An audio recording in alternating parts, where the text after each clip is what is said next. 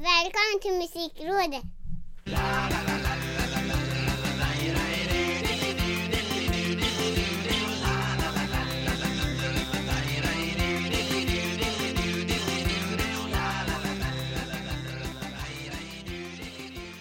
Det 41 avsnittet, Ricky Holmqvist Oj! Det- Är vi, ja, redan där alltså? Det går fort framåt Ja, det gör det. Det gör det. Usch!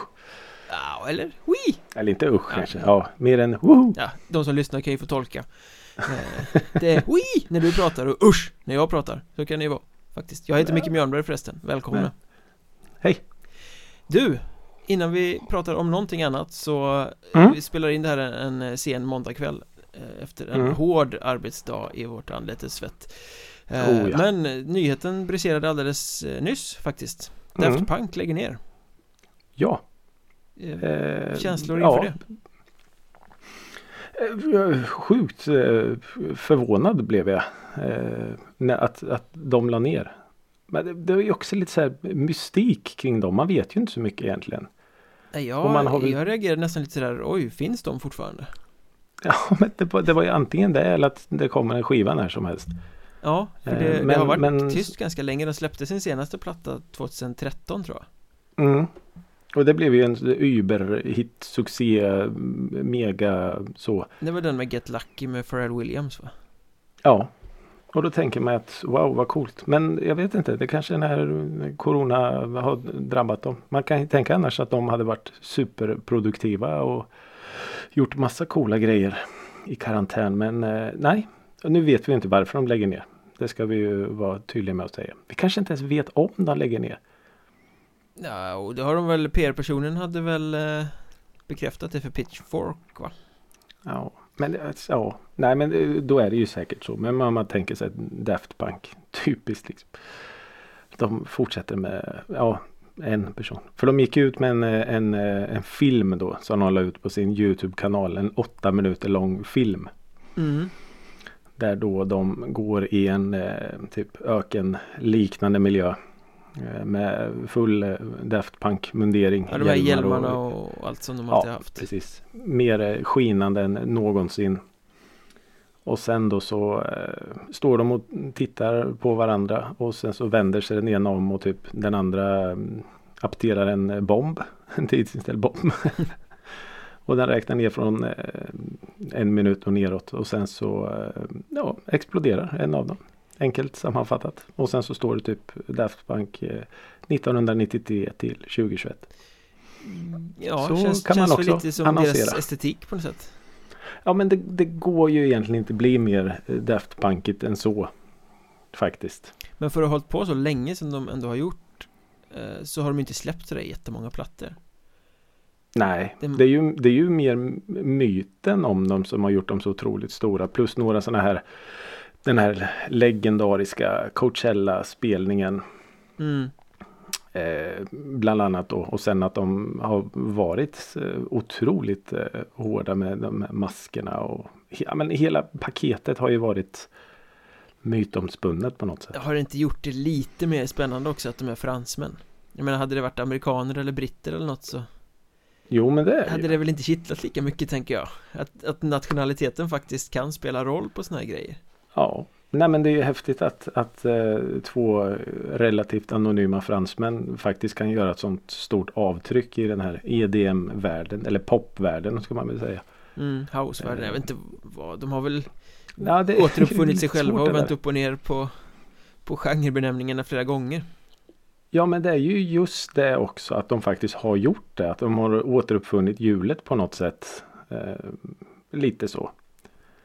För mig kommer de ju Eh, alltid så- vara around the world Eh, Från debutplattan där i Ja. slutet på 90-talet Det är den som fortfarande sitter, alltså, säger någon Mm. bandnamnet Daft Punk Då är det den låten jag instinktivt tänker på först Ja men det är det ju såklart. Men de, de har ju gjort eh, ganska många hits ändå. Det måste man ju ändå ge dem. Men som Ja, sagt det är ju verkligen. den här om man, ska, om man ska sätta något eh, så här stämpel på när de faktiskt blev ett hushållsnamn då är det ju den här Coachella-spelningen med någon slags stor jäkla pyramid de hade byggt upp på och det var väl typ första EDM-akten på som headlinade och alltså det, det blev ju en sån otrolig snackis. mm. Eh, ja, så Men, det blir coolt. men Daft Punk och Sido, om man liksom bara tar det här med att lägga ner ehm, Mm. Nu gjorde de liksom en video, bang, satte upp årtal till årtal, nu är det slut, väldigt tydligt liksom Mm. Samtidigt så, om man tar min reaktion då, fanns de fortfarande Ehm, Ja, Skulle ju kunna ha varit så att de försvann på samma sätt som de flesta band kanske gör Det vill säga, fejdar Ja. ut Man Ja. släpper en platta, man gör en turné, man åker hem, man säger hej då, vi syns om ett år igen och skriver en ny platta och sen hän- Ja. händer ingenting och livet går vidare Och Ja, allting men bara rinner ut i sanden och, och fejdar ut eh, Ja.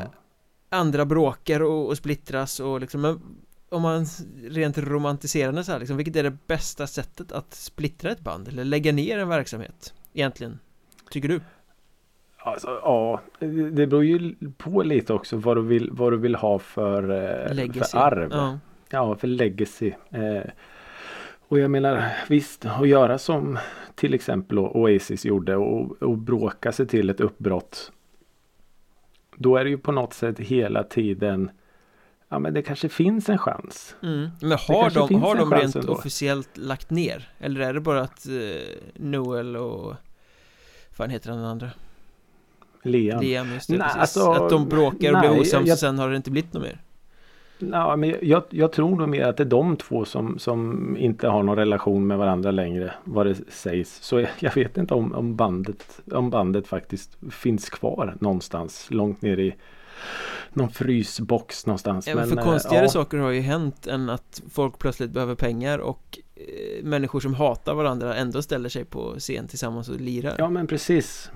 Ja, och vad jag förstår så har det ju där gått lite i cykler med om vi får hålla oss kvar på Oasis här nu att ena stunden då har den ena brodern känt att ja men det kanske skulle vara kul att börja eh, lobba lite för det och då har den andra varit nej absolut inte och sen har det varit ombytta roller och jag såg någon intervju med Liam Gallagher att de har ju blivit erbjudna löjliga summor pengar mm. för en, en spelning.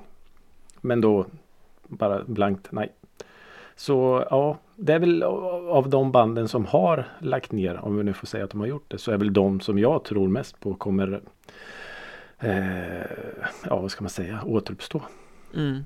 Rage Against the Machine la väl också ner eh, Ja. Av den anledningen att de Ja, inte kom ju. överens där med, med la Rocca Ja, det var väl också lite bråk va? Och sen kom de ändå tillbaka så då finns ju Ja. ändå dörren öppen Sen kan man ju göra som Kent då eh, Mm. Och verkligen göra det välregisserat Bestämma långt, långt i förväg Göra en sista Mm. platta, göra en sista turné eh, Verkligen sätta en runa Ja, Och precis. det är ju grymt häftigt att göra det, tycker jag Ja, Fast du måste funderade- ändå vara på en viss nivå för att du ska få effekten av det exakt. Exakt. Jag funderade lite på det innan eh, här idag. att Alltså det Kent gjorde när de gick ut med den här videon och, och hela det. Att de presenterade sista turnén. De presenterade sista skivan.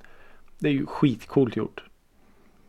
Samtidigt, precis som du säger, så är ju det lite, jag får sådana här känslan av att man nästan tigger om uppmärksamhet. Hörni, vi, ska, vi ska släppa den här sista skivan nu. Vi ska ut en sista gång. Snälla, kan ni, kan ni komma och...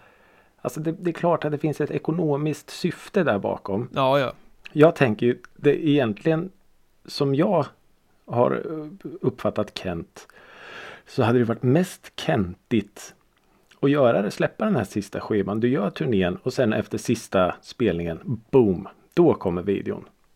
Ja, just det Tack för allt. Ja. Det här var fantastiskt. Fast nu blev det ju en Eh. fantastisk eh, höst och oh ja. vinter Alltså, med den här man- turnén och, och det räknade ner och, Ja, och sådär herregud. och den där Alltså, sidan, som jag menar, för- jag som Alltså jag gillar ju Kent men jag har ju aldrig varit liksom det här fanet som har jagat dem Nej. Land och rike runt Fick ju gåshud där på sista spelningen på Tele2 Mm. Även om det inte var den bästa spelningen de har gjort och även om setlistan går att ifrågasätta och, Ja men och att slutlåten inte var rätt Men, men liksom Det blir ju Man skapar ju så stora känslosvallningar på det här sättet på något sätt Herregud. Men menar Men Daft Punk om här man- gör ju också det eh, Fast de sätter ju Ja. bara ner foten, nu är det slut Utan att Ja. rigga med en sista turné och allting sådär Ja, ja precis. Så är det ju. Men, men om man bara får ta den här Kent-aspekten igen. Alltså som, som band. Ur deras perspektiv. Alltså så jävla häftigt egentligen.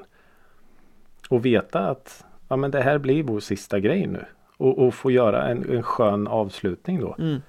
Istället för att, att hanka sig fram på Ja jag vet inte Harrys eh, spelningar sista åren där knappt någon kommer att se dem eller något, alltså sådär. Ja det är ju en annan Utan aspekt av det, det är ju väldigt många band som borde lägga ner tidigare alltså som, Mm. som harvar för länge för att ca- cashen ska in Jo, eller för men- att man inte vet något annat Ja. Eh, Men Och gör man en visst. sån tydlig grej liksom Nu är det sista turnén, nu är det sista plattan eh, Då får man ju inte komma tillbaka sen För Nej. att fansen Nej. investerar Oh, ju nej, så väldigt mycket känslor i de här sista spelningarna och de här, Mm. den här snopenheten om man har stått där och gråtit och varit på sista Mm. spelningen med favoritbandet och så går det sju år sen bara, äh, nu är det comeback, nu är vi tillbaka ja. Ska vi lira igen? Då pissar man lite på de känslorna på något sätt tycker jag Ja. The Ark vi- sk- skulle ju kommit tillbaka i somras om The Ark, De ja? gjorde ju Ja. också en jävla avslutning Alltså Mm. Jag förstår att pengarna lockar. Jag förstår att man Mm. efter fem år borta från det här känner att ja, men det kanske kan vara ganska kul igen. Men ska man komma Ja. tillbaka då får man faktiskt göra det i någon annan konstellation och Ja. under ett annat namn och med en annan grej. Eh, För då har man lagt ner det så har man lagt ner det Tycker jag. Om man har lagt ner det på det sättet Ja men precis. Nej, men om alla, alla vi musikälskare som investerar så otroligt mycket känslor och allt i de här banden. Och sen precis som du säger då. Bara nej, vet ni vad, vi, vi la inte av. Och det, ja, jag vet inte, det, ja, det är så tvetydigt där. Men, men jag som, som musikälskare kan känna mig lite lurad faktiskt. Ja men det blir man ju Eh, samtidigt som man, man jag, jag minns ju, det var ju du till och med som, som skrev till mig då den här en söndagkväll var det. Har du sett Kent-videon? Ja när den kom ja Mm. Och bara, nej vad då för något? Och så gick jag in och kollade den här för övrigt helt fantastiska, mm, typ det bästa Kent Jag höll på att säga samma sak Eh, Ja, Eh. med den här trumslagartjejen och alla referenser till låtar och skivor och allt. Alltså, jag höll på att bryta ihop. Ja, Det var ju verkligen så för att den kom så från ingenstans. Och så bara, ja nu lägger de av. Och när man stod där då, för jag såg ju också sista turnén men jag var ju på första då. Och när man liksom, ja nu kommer inte jag få se dem här igen. Det är sista gången jag ser det här bandet. Och det, alltså det, det, det tar på en. mm. För man har levt med de här eh, människorna. Man, jag har aldrig träffat, eller jag har träffat dem men inte på det sättet. Men... Och så, ja. Så nej. Men jag, jag kan nog sätta en ganska stor slant på att vi aldrig kommer att få se Kent Nej inte de, tillsammans men det finns ju många igen. andra som har brutit det där eh, Mm. löftet på något sätt Ja. Och då är det ju mycket mer fair, de här som fejdar ut Som Ja. när det liksom bara inte var meningen men det blev så att det tog slut Då kan du ju Ja. återförenas och komma tillbaka med lite mer trovärdighet på något sätt Jo men lite så är det ju. Men om man, om man ska hitta en, en eh, rätt väg att gå då, om man säger så. Då är det väl om, om på något sätt. Nu pratar vi om Kent som är ett av Sveriges största pop och rockband genom alla tider. Men jag menar skönt det måste vara bara fejda, i, fejda ut, fejda iväg. mm. Alltså ja, det är ju säkert jättesvårt för många har ju säkert som, som du nämnde hankat sig fram och måste ha de här spelningarna för att kunna betala nästa månads hyra kanske. Och Ja, det kanske inte är så lätt. Och jag menar bara stämpla ut och det måste ju vara skitjobbigt.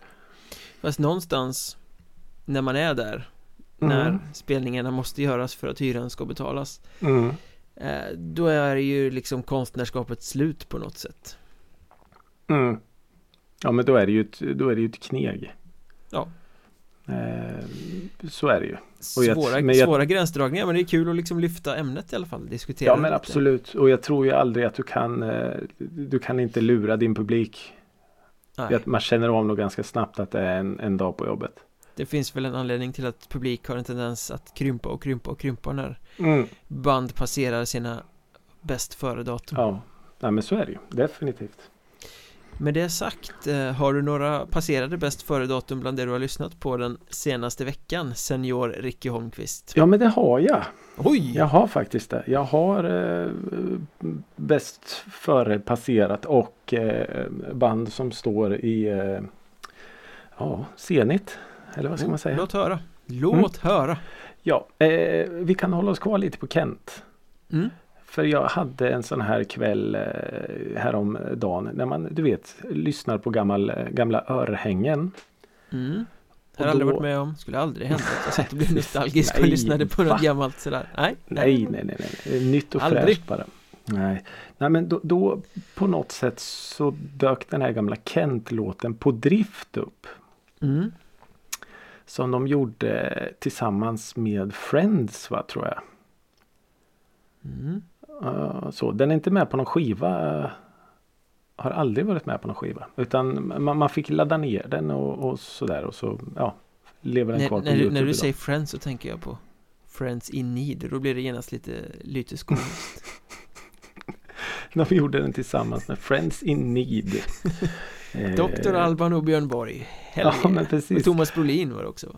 Ja men de behöver lite extra pengar tror jag. Eh, nej men och jag, jag minns att jag gillade den låten väldigt mycket när den kom. Eh, och, och kan söka upp den på Youtube sådär ibland. Men det hände någonting nu när jag lyssnade. Mm. För att det finns en textrad som går så här. För hjältar och hjältinnor stannar kvar. Med ryggen upp mot väggen, bara hud mot vassa äggen. Och de rivs och slår och bits för sina, li- för sina liv eller någon annans. De får ingen belöning men de kräver ingenting. De bara gör, biter ihop och håller käften. Då fick jag så här, men herregud alla underbara människor som jobbar inom vården och annat nu mitt under den här pandemin. Mm. Den är ju för dem. Mm. Och då var det så här, wow, vad häftigt. Att det, i mitt sjuka huvud så associerade jag det till allt det här. Kopplade den till samtiden Ja, det kan jag faktiskt ha gjort. Eh, och om vi då är inne på bäst eh, före-datum som Kent då har passerat. Eh, Panic at the Disco. mm. De gjorde några plattor som var Ja, ganska bra Ja, och sen så bråkade de och det är väl typ bara sångaren Brandon Urie kvar tror jag. Men eh, musicerar han under bandnamnet fortfarande? Jag tror faktiskt han gör det. Det är sånt som Sist, inte är okej Nej, men det är också ett sätt att hålla varumärket jo. levande. Absolut Eh, nej, de släppte i alla fall 2008 en skiva som heter Pretty Odd. Ja Och de, de gick väl in lite i den här emo, emo-rocken så. Ja det gjorde de verkligen Men eh, de hade ju han Brendan på sång och ja. I alla fall, på den skivan finns det en låt som heter Nine in the afternoon. mm. Som är eh, odödlig. Även om det var ett så här emo, emo rockband med allt vad det innebar så eh, ja det här är en sån pop, en poplåt som är ja, magisk. Men Magisk. var inte många av deras låtar egentligen ganska poppiga bara att de hade klätt dem i lite taggig skrud? Jo men faktiskt lite. Om man, om man då ska jämföra med de här eh, My Chemical Romance och allt vad de hette på den tiden så körde de i en lite annan fil. Panic Mm. at the Disco. Eh, Men de, de red väl lite på den eh, vågen som var då. Mm. Med lite så eh, svartare poprockmusik. Det är ganska ofarlig musik men ja, Ja, glättigt så Men ja, ja det är ju. ganska bra när man är på det humöret Ja, faktiskt. Och sen då så tänkte jag bjuda på lite färskvara här då. Nyheter Nyheter och nu kanske jag skjuter mig foten här nu. Men det är i alla fall ett band från Göteborg. Jag vill gärna säga att de heter Damen. mm. Med viss reservation. Att de kanske heter Damon. Men i alla fall. ja, Damen Eh. är mycket bättre bandnamn Ja visst är det det. Ja, Fast de sjunger på engelska. Ja. De släppte en singel eh, häromveckan som heter Waste of Time. Som är otroligt bra. mm. Eh, ett sånt där band som du vet du hör tre sekunder och så kan du pinpointa varifrån landet de kom. ja västkust eh, Ja.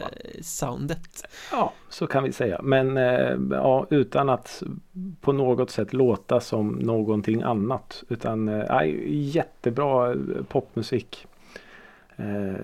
Jag hittade dem förra året, 2020, när de släppte en skiva som Ja. hette Sagrada Familia. Oj, ja, skitbra. Jättebra pop. Det finns, det finns hopp för den svenska popmusiken. Mm. Eh, ja, det var mina lyssningar. Eh, spretigt som vanligt. spännande liten påse Ja men faktiskt. Så vad har då Micke Mjörnberg lyssnat på?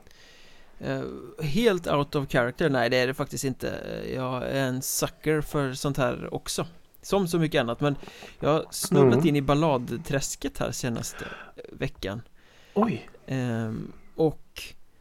I och med att vi har en skivcirkel som vi kommer till lite senare i det här avsnittet med Melanie C Så tror jag att den här låten kom upp liksom som någon sorts algoritmfortsättning på när jag hade lyssnat på hennes platta Mm. Eh, Och då är det en, en eh, tjej som heter Delta Godrem En australiensisk eh, sångerska som fick majorskivkontrakt när hon var 15 år och har haft en dust med cancer och Okej. både varit ihop med och dumpat Brian McFadden från Westlife Och men- dessutom Oj. dejtat Mark Philippoussis, den här gamla eh, tennisspelaren Ja, Just det. Oj, hon har Eh. hunnit med mycket. Ja, ver- verkligen eh, Och hon chartade tydligen ganska hårt i Sverige på sin tid när hon var stor Det har jag missat fullständigt Ja. Eh, För det var ett här namn som liksom inte Det ringde inga klockor överhuvudtaget Men det Nej. dök i alla fall upp en liten sån här balladlåt som heter Lost Without You Ja. Som eh, kommer från hennes debutalbum Innocent Eyes från 2003 Och det är en så här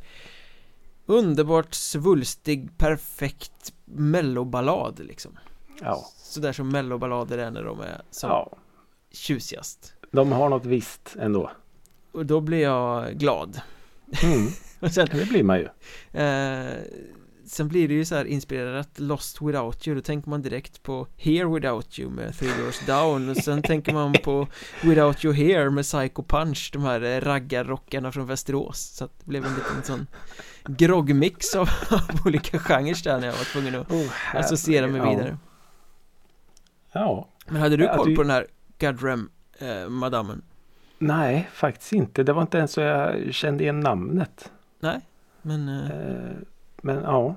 Men när, när kom eh, debuten sa du? 2000? 2003 Ja. Nej, jag var upptagen med annat då. Uppenbarligen Ja, Nej men den, den låten var i alla fall eh, grym Blev varm av den och då Mm. var jag ju också liksom lite inne i det här Eurovision balladträsket då Så då slidade jag ju Vart snyggt vidare till eh, Is It True med Joanna Islands bidrag från Eurovision 2009 i Ryssland eh, Som ju faktiskt kom på andra plats i tävlingen Som också är en så här Mhm. rysligt vacker ballad eh, Helt orimligt att den kom tvåa med tanke på att det var en alldeles olidligt usel låt som vann Eh, Du vet den här Fairytale med norrmannen Rybak Ja, Armhävningar och fioler och allt vad det var Ja. Ja, Eh. den är ju inte dålig någonstans.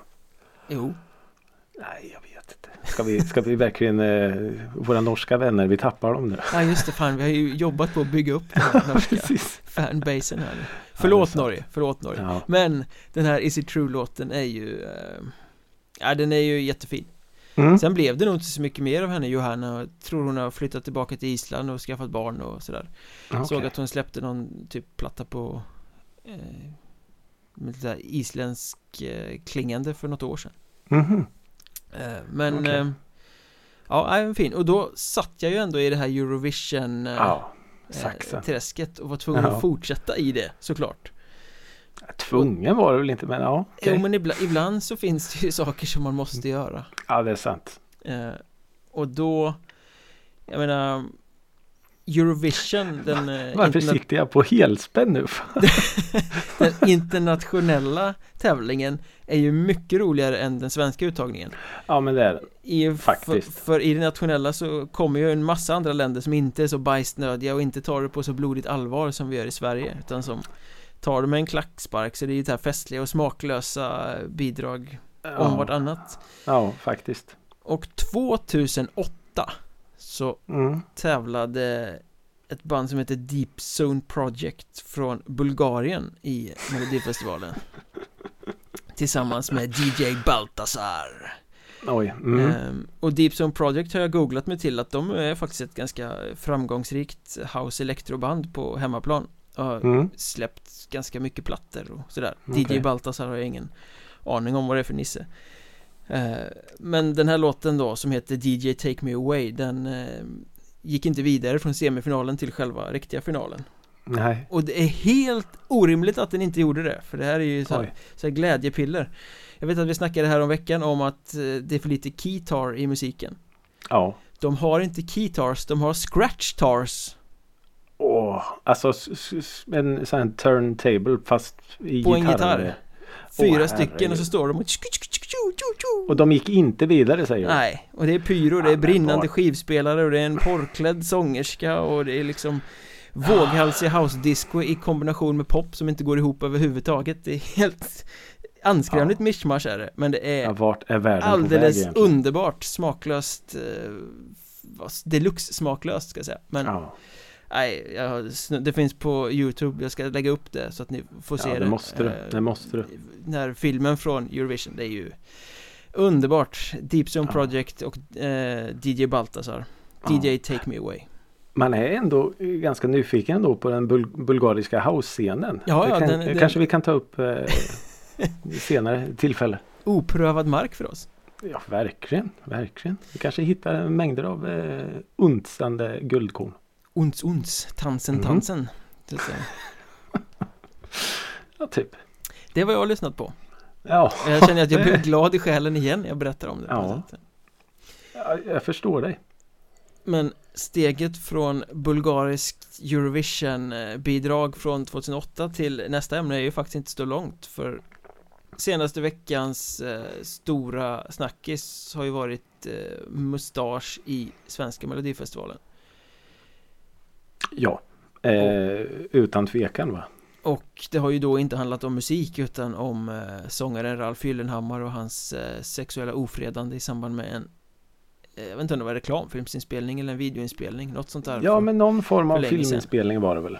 Och den t-shirt som de sen tryckte upp efter att han hade dömts för eh, sexuellt ofredande Han tryckte ner en flaska mellan brösten på en inspelningsassistent tror Mm. jag eh, Och det är ju det enda liksom melodifestivalrapporteringen den senaste veckan har handlat om Ja. ja, men så är det ju. Det är ju helt sjukt egentligen. Men eh, ja, Men vad tycker du om hela den här eh, soppan om man ska kalla det det? Alltså det har ju vinklats på så otroligt. Först och främst vill jag bara säga att det är ju helt stört gjort av eh, Ralf eh, Gyllenhammar. Eh, men som sagt hans eh, snedsteg och eh, mindre lyckade idéer har vi ju pratat om innan i den här podden. Ja det finns ju x antal att ta av Ja, precis. Och, men som sagt, det är ju själva vinklingarna och allt spaltmeter efter spaltmeter som har skrivits om det här. Det är ju bara på något sätt, alltså själva händelsen i sig är ju för jävlig. Och han, men han har ju ändå sonat sitt brott. Men alla de här Det kanske vi kan ta lite senare sen. Men för det första det, mest idiotiska i allt det här det är ju den där t-shirten de trycker upp. Nej, det är den som är det stora problemet egentligen Ja, och vems idé det än var så alla skyller ju på alla verkar det ju som. Men det är ju den som är det dummaste i hela den här historien. Istället då bara för att fan jag gjorde bort mig. Jag eh, åkte dit. Jag, han bad väl om ursäkt till den här kvinnan på under rättegången. Sa han själv. Eh, Han betalar sina böter och allt vad han gör. Okej släpp det då. Ja, då hade så- de ju kunnat komma undan med kanske att Ja. säga att ja, han gjorde jävligt fel, han Mm. dömdes, han tog sitt straff, eh, nu går vi vidare. Men den här t-shirten som kommer något år senare där de liksom profiterar på Ja, domen ja egentligen. händelsen. Ja, det är ju absolut. den som är komprometterande. Ja. Men det är här som blir ganska intressant nu efter att ha eh, liksom följt det här på avstånd eh, nu ett tag. Att det, är ju, det är ju två läger egentligen. Det är ju de som fördömer, eller egentligen tre läger. Det är de som Mustaschfamiljen då som inte bryr sig alls. Och som bara tycker det här var en, ja, lite så. En cool grej och den där tröjan minsann den var jävla den har jag haft på varenda kräftskiva. Ja men så. Ja, och sen är det ju de här som eh, fördömer hela och tycker att de absolut inte ska få ställa upp i någon melodifestival inte för allt de har gjort. Och sen kommer det bästa av allt, det tredje lägret. Som på något sätt likställer Mustasch med Yasin. Ja, jag har sett det där. Och bara, men wow, vänta lite nu. Backa. Och alltså följa den här tråden på Twitter var ju det roligaste jag gjorde i helgen. Och bara, "Ah, du tycker att äh, Mustasch inte får ställa upp i, men eh, Yasin då? Han ska få ställa upp i Petri Guld. Vad fan, okej, lugn och fin här nu en stund. Och eh, på något sätt så kommer man alltid in på Socialdemokraterna. Men Ja, ja, precis, det, det slutar alltid där ja. Så ja, det har varit eh, väldigt heta och inte alltid så sakliga diskussioner kring det här. Men Marcus Larsson skrev det ju ganska så bra att det är ju det är en jävla soppa det här. Men självklart ska de få ställa upp. Ja, ja, men där kommer vi ju till det som jag tycker är eh, den liksom stora grejen här egentligen Eller inte den stora grejen men liksom tankevurpan i allting Varför ställer de upp? För när man som ett, Ja. som Mustasch är ju ett band som redan har en karriär, de har redan en ganska stor publik Mm. eh, De har liksom grejer att luta sig tillbaka på När man som ett Ja, sånt oh ja. band, som, de är ju ingen melloartist Det finns ju artister som är melloartister Där som ställer upp i Ja, mello för att det är det de gör liksom, För att de ska Oh ja. få åka till köpcenter och mima sen eh, Och sådär, men när ett band som Mustasch ställer upp Så Mm. gör de ju det för att bredda sin publik Ja. För att få ett bredare genomslag För att nå Sven Banan För att visas för miljoner i sofforna Mm. Ehm, Och då måste ju det man gör vara goodwill Ehm, Oh ja. Och här har ju management eller vem det nu som har tyckt att det är en bra idé Inte tänkt överhuvudtaget För de måste ju ha varit medvetna om att det här kommer att komma upp Mm. Ehm, Hela eh, det sexuella ofredandet och t-shirten har ju varit känt i en stor grupp inom rockscenen Mm. Ja, oh ja. till en stor Oh ja. publik Men nu kommer ju eh, den här bilden ut till gemene man, till Svenne Banan-publiken, till barnfamiljspubliken som inte alls känner till det här Nej, det kan ju inte vara någon som har missat det. Nej, och alltså Känns damage control, här, de får frågan om de ska vara med Då måste de tänka, ja, finns det någonting som, ja men det är bra att visas i tv för flera miljoner Kommer Ja. den här eh, lite dåliga historien har att komma ut? Ja, självklart, ah fan, då ska vi inte ställa upp Nej. Eh, För det som händer nu är ju att de som inte kände till det här som förut, de som inte hade koll på Mustasch från början Ja. För dem blir ju Mustasch, ah, det är bandet som eh, gjorde sexuellt ofredande Mm. och sen sålde en t-shirt om det Ja. Exakt. Alltså det är så korkat av dem att utsätta sig för den risken eh, För att de, de får ju ingen goodwill alls här, de, de bara Nej, oh, fäller sig själva så att det, det är obegripligt att någon kunde tycka att det var en bra idé att de skulle ställa upp i Melodifestivalen De måste ju Ja. ha sett att det här skulle komma Ja, ja. Och jag menar som vi har pratat om tidigare med eh, till exempel countryartister som har eh, sagt mindre bra saker. Så alltså 2021 är det otroligt mycket svårare att tvätta bort sådana här stämplar som har satts på band och artister. Nej, nej det går ju inte Nej, och speciellt inte då när man alltså ställer upp i en sån här grej. Rikstäckande, det största som händer i Sverige under året. Enligt alla. Ja, Eh, så nej. Men eh, samtidigt så, så måste jag ställa frågan till dig. Tror du att de hade ställt upp om det inte var för den här pandemin och inga spelningar och allt? jag vet faktiskt inte när allting riggas och sånt men Det är klart att det spelar in Ja, Sen har ju Ralf att- har ju varit med ja som precis. soloartist tidigare innan eh, flaskincidenten Mm. eh, När han satt vid någon flygel och så Ja, just det. Ja, Det var Ja, efter, men, det, var eh, efter det ja. deltagandet som man var tvungen att Åka ut och supa och söp bort den där spelningen i Norrköping som vi pratade om någon annan gång just det.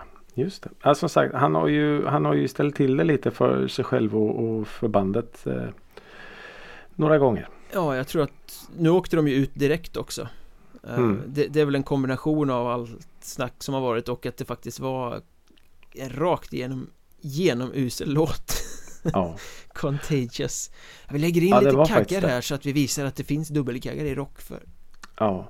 Nej, det var ju, det var ju, en, det var ju en jättedålig låt. Jag, Ja. jag minns ju den här eh, som Ralf Gyllenhammar själv gjorde då. Den var ju, den var ju bra. Ja, För att vara en, en schlagerlåt så. Men den här var ju usel.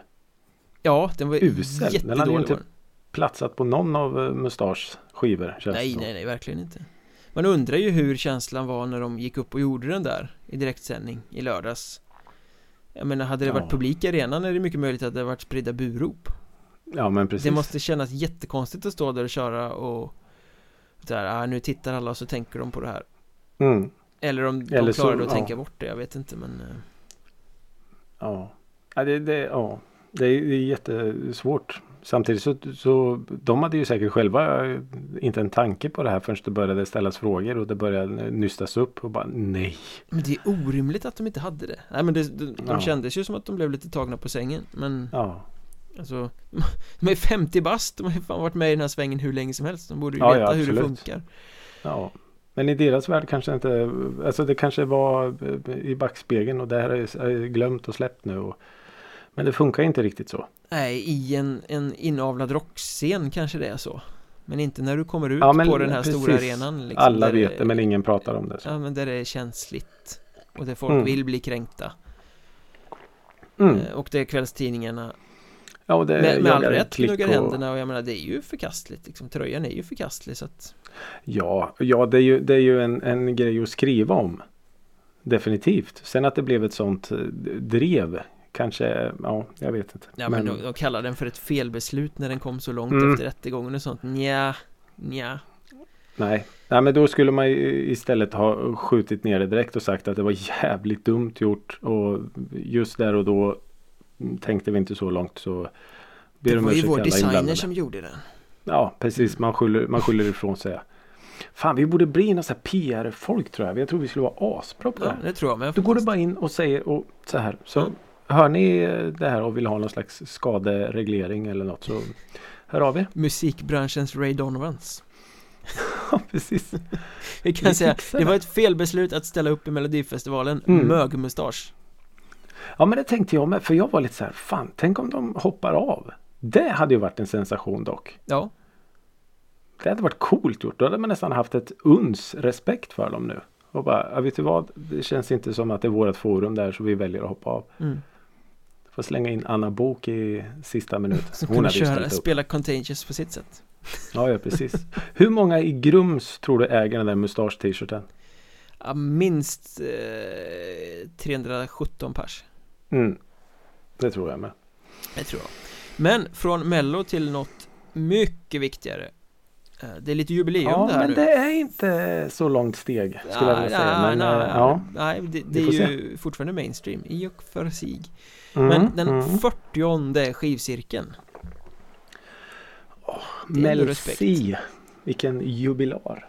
Northern Star Ja. Från 1999 Mel Cs eh, Mm. solodebut Mm. Efter några rätt framgångsrika Plattor med Spice Girls I ett annat band. mm. Eller grupp Skulle jag nog snarare kalla det Ja. ja, det var det. Det var inte mycket trummor och orgel där när Spice Girls körde Nej, det kan man lugnt påstå. Men Northern Star i alla fall Mm. ehm, Solo Utflykt Har du något Ja. spontant omdöme om skivan så här innan Ja, vi men- börjar liksom dissekera den? Ja, men det har jag. Eh, efter att ha lyssnat genom skivan en gång. Så Ja. tänkte jag så här. Fick jag, drog direkt en parallell. Om du går till en Michelin-restaurang. Mm. En top notch restaurang. Och beställer en pyttipanna. Mm. Då kommer du få någonting som liknar den här skivan. Ja, jag En- förstår eh, liknelsen En ganska enkel rätt men gjord med otrolig finess. mm. Mm. Och ganska många var min- olika beståndsdelar också eftersom det Mm. Hackat Mm. och malet Ja, från ja. olika håll Det är inte liksom potatis, lök, kött här nu utan det är eh, kött, det är wagyu-biff och det är potatis som eh, munkar i Tibet har odlat fram. Och, alltså så. Det är eh, en, en enkel maträtt gjord på av de bästa, bästa, bästa kockarna. mm. jag, jag känner ju så här Efter att ha snurrat skivan ganska många varv För att liksom Mm. få Feelingen och känslan för den att Det här är ju en eh, En skiva där de söker På något sätt Vi har Mel C som är en strålande frontperson som kommer från Otroliga framgångar med Spice Girls Mm. Men vad gör vi med henne som soloartist? Vem är hon? Ja. Vad, vad gör hon för musik? Vilket spår Mm. ska vi följa? För det här är det ju Mm. verkligen på den här debutplattan som att de liksom testar henne i lite olika Det är lite rock där, lite souligt där, det är lite Mm. R&B där Ehm, Mm. Som att de liksom skjuter från alla möjliga håll och det hörs ju Mm. extremt tydligt att det är en sån här eh, storbolagsplatta med Ja, oh ja. extremt många olika eh, låtskrivare och producenter inblandade Mm. För det är inte en Jag- person som har jag- skrivit alla låtar utan det kommer ju låtar från höger och vänster liksom från olika, Ja, ja. olika kollaboratörer Absolut. Jag, jag är helt med på ditt resonemang men jag tänker jag, jag vänder på det lite. Istället för att eh, på något sätt söka vad hon vill så tror jag istället, så tolkade jag det, att man erbjuder Melanie C till olika publik. mm. jo, men, jo men precis, Eh, så kan det ju vara Ja men det är ju, det är, vi är ju inne på samma tänk då. Men Det handlar inte om jag- vad hon jag- vill göra, det handlar ju om vad publiken vill höra henne göra Nej precis. För det finns ju verkligen ett spår för varje genre. Ja, lite Precis så som du säger. Och det var lite den här eh, going down. Det, det liksom lyssnade vi tillsammans eh, här hemma och det var så här, men det här låter ju precis som garbage. Ja, Att det är lite så rock garbage med, med distad sång och den här I turn to you, en för övrigt fantastisk låt. Ja men den är ju för klubbarna. ja, Det är ju så lite disco och sen den här Suddenly Monday. Ja men det är för P4. Det är för P4 publiken. Lite enkel trallande pop med gitarr och piano. Alltså så det, det finns ju verkligen någonting för alla. Det är ju både för lilla syster och för farmor och för alltså, tuffa klubbkidsen. Och så hela världen ska se att Melanie C nu är här. ja, lite så Och vilka, de, de släppte ju väldigt olika singlar också har jag för mig Eh, Och den som vi säkert ska prata om snart, den stora, stora hitten där Never Be The Same Again var ju inte Mm. Eh, Det var ju ingen av de första singlarna Utan den kom ju en ganska bra bit in i, i singelsläppandet Var inte Och- den Northern och Star först? Tokbreakade, jo det är mycket möjligt att den var Eh, jag vet, jag kommer inte ihåg. Men det är ju Alltså, Jo men bara det att hon gör en duett med Lisa Left Eye Lopez som på den tiden var liksom typ den coolaste hiphop tjejen i världen.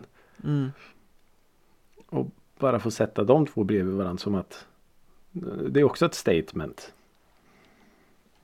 Eh, känns det som. Och det känns ju som att det var just i den låten Never Be The Same Again som de hittade hennes eh, fåra på något sätt Mm.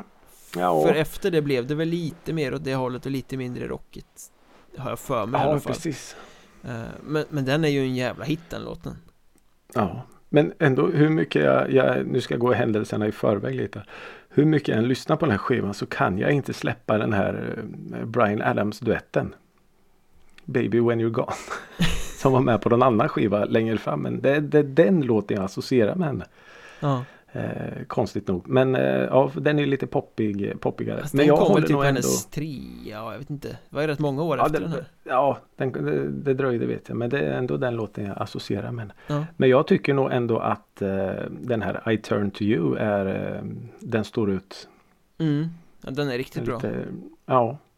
ja Men det är också det som är grejen att även om skivan har olika genrer och den, den spretar lite om vi får använda det uttrycket så är ju det märks ju precis som du säger. De har en så sjuk budget i ryggen. mm. Det är varenda topproducent säkert som var med och jobbade på den här plattan. Och det är ju alltså Ja Det är ju helt liksom Ja Fantastiskt välgjort. Ja, och det Varenda skulle jag faktiskt spår. vilja säga att när man lyssnar på mycket alltså, listmusik eller väldigt populär musik från det här ganska trendkänsliga övergången 90-tal till 2000-tal och Mm. slutet på 90-talet Det är mycket som inte håller idag Ja, Eh, så är det ju. Men här Definitivt. tycker jag ändå att det, både produktion och många av låtarna har åldrats med ganska mycket värdighet Mm. Jo men jag, jag tror nog någonstans att det har att göra med, alltså det vore ju jättedumt om du, du jobbar med de bästa textförfattarna, du jobbar med de bästa producenterna, du har miljoners miljoner i ryggen. Alltså det blir någonting, alltså det gulnar inte lika snabbt då på något sätt. Nej, nej, Eh, fast ja Det finns Nej, väl, det finns väl rätt mycket som, som har varit väldigt tidstypiskt som sen inte har stått emot tiden i och för sig men Absolut, det Eh. finns det. Men den är, det går inte direkt kanske att sätta någon, tycker inte jag att det går att sätta en, en, en tidsstämpel på den, den här skivan. Nej, Nej det skulle väl vara den här eh, låten som heter Why Som är någon sorts här suggestiv rock eh, grej eh, Som är väldigt udda i sammanhanget Ja, ja. Men ja, det är säkert några svarthåriga eh, människor som tyckte att den var eh, skitbra med för mycket smink och pandatröjor. Nej, jag. Jag tror de hade vargtröjor på sig faktiskt. Eh, Och sen har jag lite svårt för den här eh, If That Were Me Som är väl en ganska fin låt men jag, handlar texten om uteliggare eller något sånt där Just det. Mm. eh, Det är väl fint sådär Men, Mm. men det, det känns inte så genuint när man sitter på en sån här mångmiljonplatta och har någon sorts Nej, Det är så synd om er nej, och det blir ju samtidigt en, en lite bitter smak i munnen då om man, om man hoppar från en sån här klubbig hit som I Turn To You till ett sånt spår.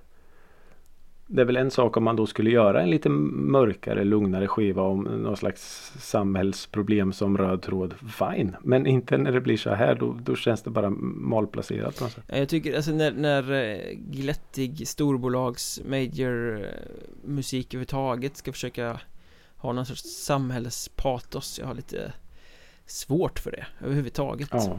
Det känns Jo, mer då- genuint när det kommer någon sluskig punkare och sjunger om det på något sätt ja, men lite så. Speciellt när man vet att hon säkert inte har skrivit många ord själv. Mm. Utan att någon kommer och ger henne ett papper med en melodi och säger sjung det här. Och hon kommer från sina eh, säkert mång, mång, mång Spice Girls miljoner. Och då ska sjunga att "Ja, jag vet att vissa har det svårt och jag ser dig på gatan. Och sen åker hon i sin eh, Range Rover till och från studion med privatchaufför. Ja men precis Eh, ja. Ja, ja, nej, det, det, det blir fel. mm. Sen har vi ju avslutningsspåret där Feel the Sun är ju ganska fin Tycker jag Mm. Eh, Ja, men det är det. Men det är ändå Om jag ska plocka en liten påse med Med det bästa så är det ju titelspåret och det är I turn to you och det är Mm. Never be the same again Den, alltså Mm. jag, jag älskar den hitlåten Tycker den är Den nästlas in liksom Ja men det gör den lite och jag, jag är ju som sagt otroligt svag för den här I turn to you. Jag gillar den eh, starkt. Eh, jag gillar eh, drivet och det här lite eh, 90-taliga eh, diskot i den på något sätt. Mm. Eh, men som sagt det, är en otroligt välproducerad eh, platta. Om än lite spretig så det är, ja, den, är, den är bra gjord. Jättebra gjord. Det är lite fascinerande att hon har fortsatt att släppa plattor Men hon, alltså, Jag har absolut inte följt hennes karriär men Det ser man ju nu när man går in på Spotify att oj, här finns ju en massa Ja plattor men precis. Eh, Man ja. undrar ju vilka som är MLC-publiken idag Ja. Det, det, ja, jag vet inte. Hon kanske har på något sätt hon kanske är lite mer P4 nu för tiden. Om man får eh, slänga in henne i det facket. Ja Ja men har ju en jävla röst så att det är ju Ja det har hon definitivt. Den är uttrycksfull och eh, Ja men det känns, det känns när de sjunger på något sätt Mm. Ja det kanske inte är så mycket på, på den här skivan tycker jag. I och med att hon sjunger så. Alltså vissa låtar hör man ju verkligen att, att oj hon, hon kan ju faktiskt sjunga på fullaste allvar. Men sen så förstör de ju hennes eh, röst lite i, i vissa låtar. Lite filter och grejer som, Ja, och säkert när hon, hon sjunger saker som hon kanske inte är superbekväm med mm. eh, att sjunga. Och det, det, det tycker jag blir ganska tydligt att det är en, en eh, skivbolagsprodukt det här. Jo men det är det ju Det är det ju verkligen ja, Det är ju inte, men eh, inte suttit på sin kammare och skrivit X antal låtar och sen, ja, det här ska bli mitt debutalbum nej. Hon sjunger ur sin eh, dagbok. Som eh, vi vet låter annorlunda om man gör så. Precis Ja. Men vad, vad ger du den för betyg? Eh, jag ger den eh, tre stycken eh, sport-bh.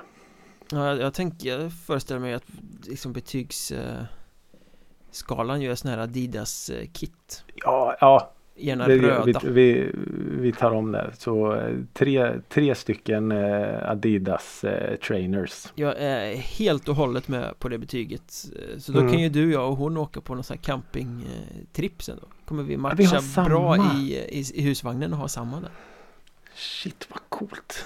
Mm. Ja men det är ju en bra platta, det får man ju säga Den är ju, Ja, det det är är så här bra men inte oumbärlig Nej, jag är ganska, ganska glad att jag lyssnade igenom den men eh, som sagt det hörs ganska tydligt att det är en eh, som sagt en, en eh, stor budget bakom.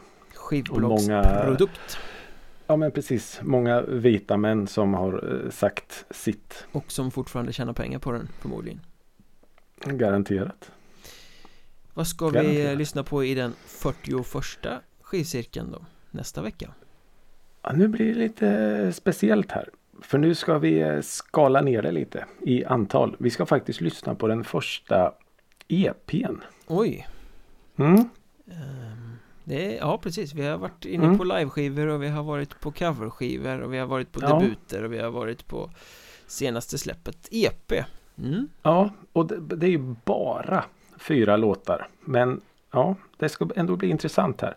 Eh, det här är ju då från en artist som debuterade 2003. Då med Lars Winnerbäck som producent. eh, 2003 var Lars Winnerbäck Mm. som producent Kan det vara Anna Ternheim Mm. då? Nej, inte Anna Ternheim. Okej Eh, Han kanske inte proddade henne, han kanske bara tog med henne som förband Så kan det ha varit också Det kan det ha varit kanske. Eh, artisten eh, Grammis nominerades som bästa nykomling. Då för den plattan som då sjöngs på engelska. Men skivan som, eller plattan EPn som vi ska lyssna på släpptes 2017 och sjungs på svenska. Det första släppet på svenska. Oj, oj, oj Vem har proddats av Winnerbäck och gått vidare till svenska? Mm. Ehm. Någon som Ja, har hängt ja. med i gamet länge också alltså. Ja men det får man väl ändå lov att säga. Du är inte helt ute och cyklar med Anna Ternheim om jag säger så. Nej, någonting mer måste jag nästan ha här tror jag. Eh, hon har startat ett eget eh, skivbolag. Och gett ut eh, egna eh, plattor som hon då själv har producerat. Nej, det står stilla. Jag kommer säga aha. Ja, det kanske du gör. Vi kommer att lyssna på Elin Rut Sigvardssons singel Fel från Oj, 2017. oj, proddades hon av Winnerbäck? Första alltså. Enligt, enligt Wikipedia. Ja, Och det måste vi tro på. ja, ja, spännande. Ja, men henne Ja. har jag ju lyssnat på det tidiga materialet ganska mycket. Mm. Den när det var på engelska. Mm. Hon har ju någon jävligt svängig låt där, vad heter den? Som var lite halvhit Ja, det är en bra fråga. Ja, jag får återkomma till i nästa avsnitt Ja, Men- Det känns ju tråkigt att det inte är den vi ska lyssna på. Ja, Den har jag ju hört inte det, det. Den här EPn Ja, tror jag faktiskt precis. inte jag har lyssnat på Jag har, jag har hört en eh, låt på den skivan och det är titelspåret och fel. Så då tänkte jag att det skulle vara otroligt intressant att lyssna på de andra. Visserligen bara tre låtar men eh, ja. Det är ju hennes eh, enda skiva på eh, svenska. Ja, och EP är ju ett väldigt bra format För om det är bra Ja, så det lämnas man ju alltid med känslan av att eh, man vill ha mer Mm. Vilket ju album Ja, inte alls lika ofta eh, når upp till Nej, lite så är det ju faktiskt. Så nej, det här ska bli eh, väldigt intressant. Ja, spännande Elin Rut Sigvardsson Absolut. Ja. Kul! Väldigt.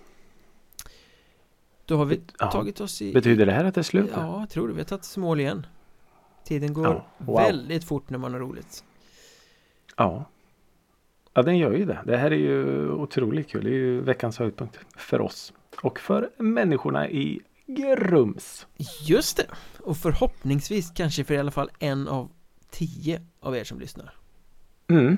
Hoppas det. Tack för det att ni är- lyssnar Ja, tack så jättemycket och fortsätt att höra av er. Det är som sagt jättekul när ni gör det med både ris och ros. Feedback och hyllningar Ja, som vi förtjänar. Musikrådet i sociala medier, Instagram, Facebook, Twitter, vad ni nu använder Det enda vi inte finns på är väl TikTok för att vi dansar så jävligt illa Mm. Ehm, Fuldans, Ja, vi borde skapa, skapa ett konto som heter Fuldans egentligen Från eh, live från eh, Senior Holmqvists kök lördag 21 och 15 Åh herregud, när höfterna är som mjukast. Ja, Det är inte stelt, inte stelt alls nej. Ja, det blir superbra. Eh, fortsätt sprid musikrådet gospeln så kanske vi dyker upp på TikTok när ni minst anar det. Som en Daft Punk explosion så finns vi där. Precis, ha det gött så hörs vi Ha det gött. Hej då!